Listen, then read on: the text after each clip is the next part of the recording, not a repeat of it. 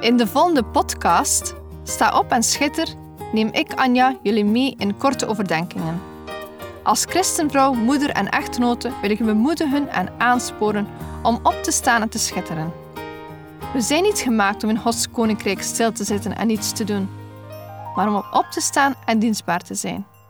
In de eerste plaats zien over God, daarna zien over ons gezin, onze partner of onze geloofsgenoten. En als gevolg zullen we dan ook schitteren in de wereld.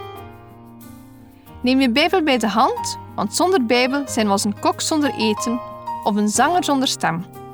Dus luister naar, sta op en schitter. We zijn aangekomen aan uitzending 34. Als we de Bijbel openslaan, staan er twee boeken die de naam van een vrouw dragen: het boek Esther en het boek Ruth. Een bewijs dat ook vrouwen worden gebruikt in Gods plan. We zien dat trouwens niet alleen in deze twee boeken, maar door de hele Bijbel. Vandaag gaan we een kijkje nemen in het Bijbelboek Ruth. In het boek Ruth lezen we het leven van een Hebreeuws gezin en een Moabitische vrouw genaamd Ruth. Het verhaal speelt zich af in de tijd van de rechteren in Israël. Een tijd waarin het volk van God ongehoorzaam was. Het boek Ruth is dan ook een verhaal met twee uitersten. Aan de ene kant een leven weg van God en aan de andere kant een leven met God. Een verhaal met zware tragedies, maar ook vol grote genade. De ongehoorzaamheid begint bij de schoonouders van Ruth.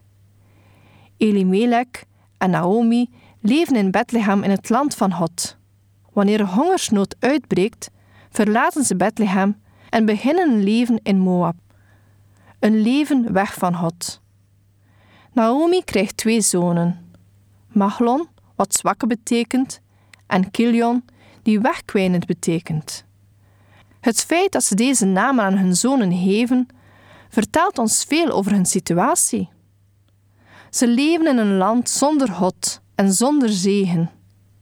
Ze hadden zonder overleg met God beslist om Bethlehem te verlaten, op zoek naar geluk. Maar in Moab vonden ze dit ook niet. Ook binnen de kerk zien we de dag van vandaag dat mensen op zoek gaan naar het mooie, naar wat bij hen past. Ze gaan van kerk naar kerk op zoek naar het ideale, maar vinden nergens rust, omdat ze niet gaan wat God hen zendt. Er rust geen zegen op ongehoorzaamheid, en dat zien we in het leven van Elimelech en Naomi. De tragedie begint. Elimelech sterft. Naomi blijft met haar twee zonen achter in een land waar ze niet thuis hoort.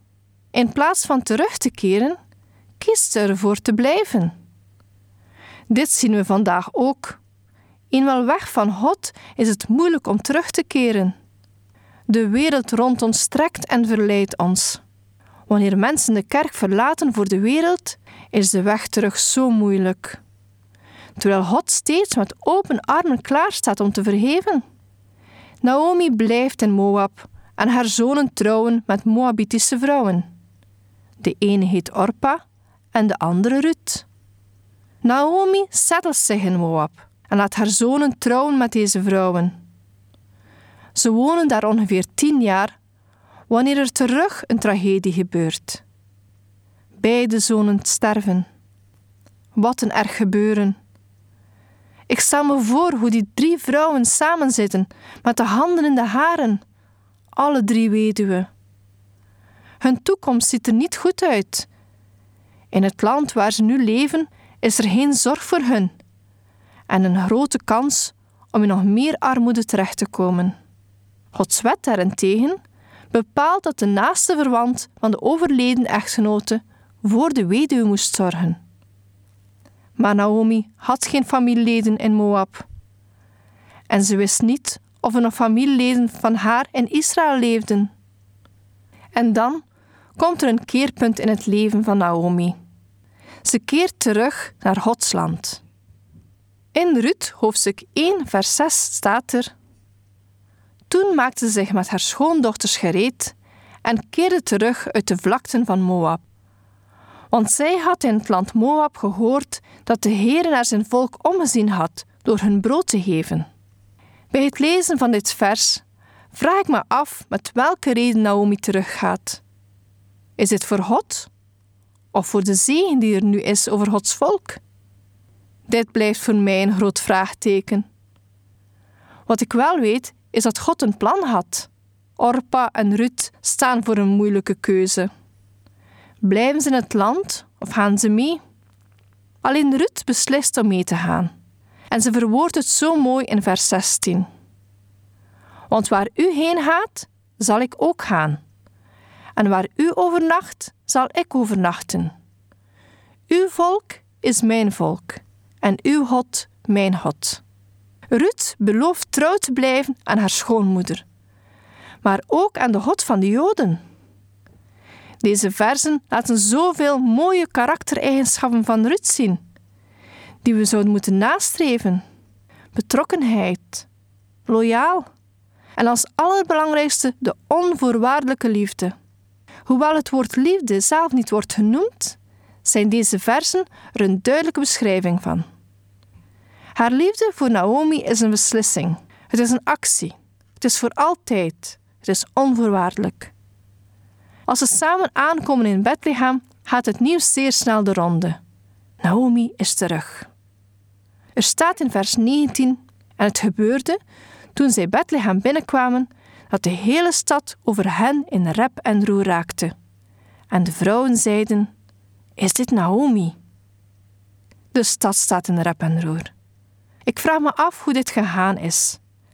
Een verwelkoming met open armen? Of zullen ze haar vermeden hebben en bekritiseerd? Het zal zeker zwaar geweest zijn om met hangende pootjes terug te komen. Ze zegt het zelf in hoofdstuk 1, versen 20 en 21. Noem mij niet Naomi, noem mij Mara, want de Almachtige heeft mij grote bitterheid aangedaan. Ik ging vol weg, maar de Heere heeft mij leeg laten terugkeren. Waarom zou u mij Naomi noemen, nu de Heere tegen mij getuigd heeft en de Almachtige mij kwaad gedaan heeft? Naomi keert terug, maar haar houding is niet goed. Ze verandert haar naam in Mara, wat bitter betekent. Wat een groot contrast. De Hebreeuwse naam Naomi betekent lieflijk, zalig of aangenaam. En nu kiest ze om door het leven te gaan als bitter. Ze zijn zo arm dat Ruth voedsel moet verzamelen. Daarbij maakt Ruth gebruik van een Joodse wet. De wet verbiedt boeren om gewassen te verzamelen tot aan de rand van het veld en om voedsel op te rapen dat op de grond is gevallen. Beide praktijken maken het voor de armen mogelijk om hun zinnen te voeden door te verzamelen wat achtergelaten is op het veld van een boer. Ruth komt terecht op de velden van Boas. Naomi is blij met deze ontwikkeling, want Boas kan optreden als losser. Dit betekent dat Boas volgens de wet met Ruth kan trouwen. Boas ziet hoe Ruth op zijn velden werkt en is haar zeer goedgezind. Hij spreekt zijn mannen aan om te zorgen dat er voldoende voedsel op het veld blijft liggen en vraagt ook om haar niet aan te raken. Ruth neemt onder aansporen van Naomi de eerste stap naar Boas om een huwelijk aan te gaan. Ze gaat bij Boas onder zijn deken liggen. Door onder hetzelfde deken te gaan liggen, biedt ze zich aan om zijn vrouw te worden. Ze gaat echter niet aan zijn zij liggen. Daar heeft ze nog niet het recht toe, maar aan zijn voeten. Ze stelt haar nederig op. Boas wil met haar trouwen, maar er is één probleem. Er is een andere man die in de stamboom dichterbij staat en als eerste de kans krijgt om te lossen. Hij heeft als eerste het recht om het land van Naomi te kopen en met Ruth te trouwen. Het verhaal heeft een happy end. De andere losser zegt nee en Boas trouwt met Ruth. Uit het huwelijk wordt Obed geboren. Deze zoon werd de grootvader van David. Obed is ook een voorouder van Jezus, zoals beschreven in het eerste hoofdstuk van het boek Matthäus. Dit maakt Ruth een van de weinige niet-Joodse vrouwen die een grote betekenis had in het leven van Jezus. Het Bijbelboek Ruth is een prachtig boek. Het is een verhaal over hoe hard het leven soms kan zijn, hoe liefdevolle mensen het verschil kunnen maken. Over hoe God op de achtergrond door alles heen werkt. En het is een verhaal over verlossing. Ruth is een voorbeeld van een vrouw die onvoorwaardelijke liefde toont. Die weet wat het is om in armoede te leven en hard te werken. Een vrouw die afgoden achter zich laat om de enige ware God te volgen. Ze bleef niet hangen in het verleden zoals Naomi deed. Ook Ruth was weduwe geworden en koos niet om verbitterd te worden. De keuzes die we maken kunnen vele generaties beïnvloeden. Ruth ontving zegeningen van God vanwege elke keuze die ze maakte. God zegende haar geloof en beschermde haar tegen de eenzame toekomst die haar schoonmoeder voor haar had gevreesd. Een vrouw die met beide handen de kans nam op een nieuwe start. Ruth leert ons dat we steeds opnieuw kunnen beginnen in het leven, met de hulp van God en anderen die hij op ons pad heeft gebracht. We kunnen de toekomst moedig tegemoet treden in de wetenschap dat we er niet alleen voor staan. Het verhaal van Ruth is er een dat ons bemoedigt. God laat alles meewerken ten goede voor wie hem lief heeft. Wat eens zwart ziet, kan morgen meer vrolijkheid zijn. Laten we de eigenschappen van Ruth meenemen in ons leven. Ook voor ons is er een verlosser, Jezus. Deze podcast kun je steeds opnieuw beluisteren via de website en app van twr.be. Als je deze aflevering leuk vond en je wilt de podcast helpen ondersteunen, deel hem dan met anderen. Heb je gebed nodig of wil je reageren op deze uitzending? Zend dan gerust een mailtje naar anja.twr.be. Bedankt voor het luisteren.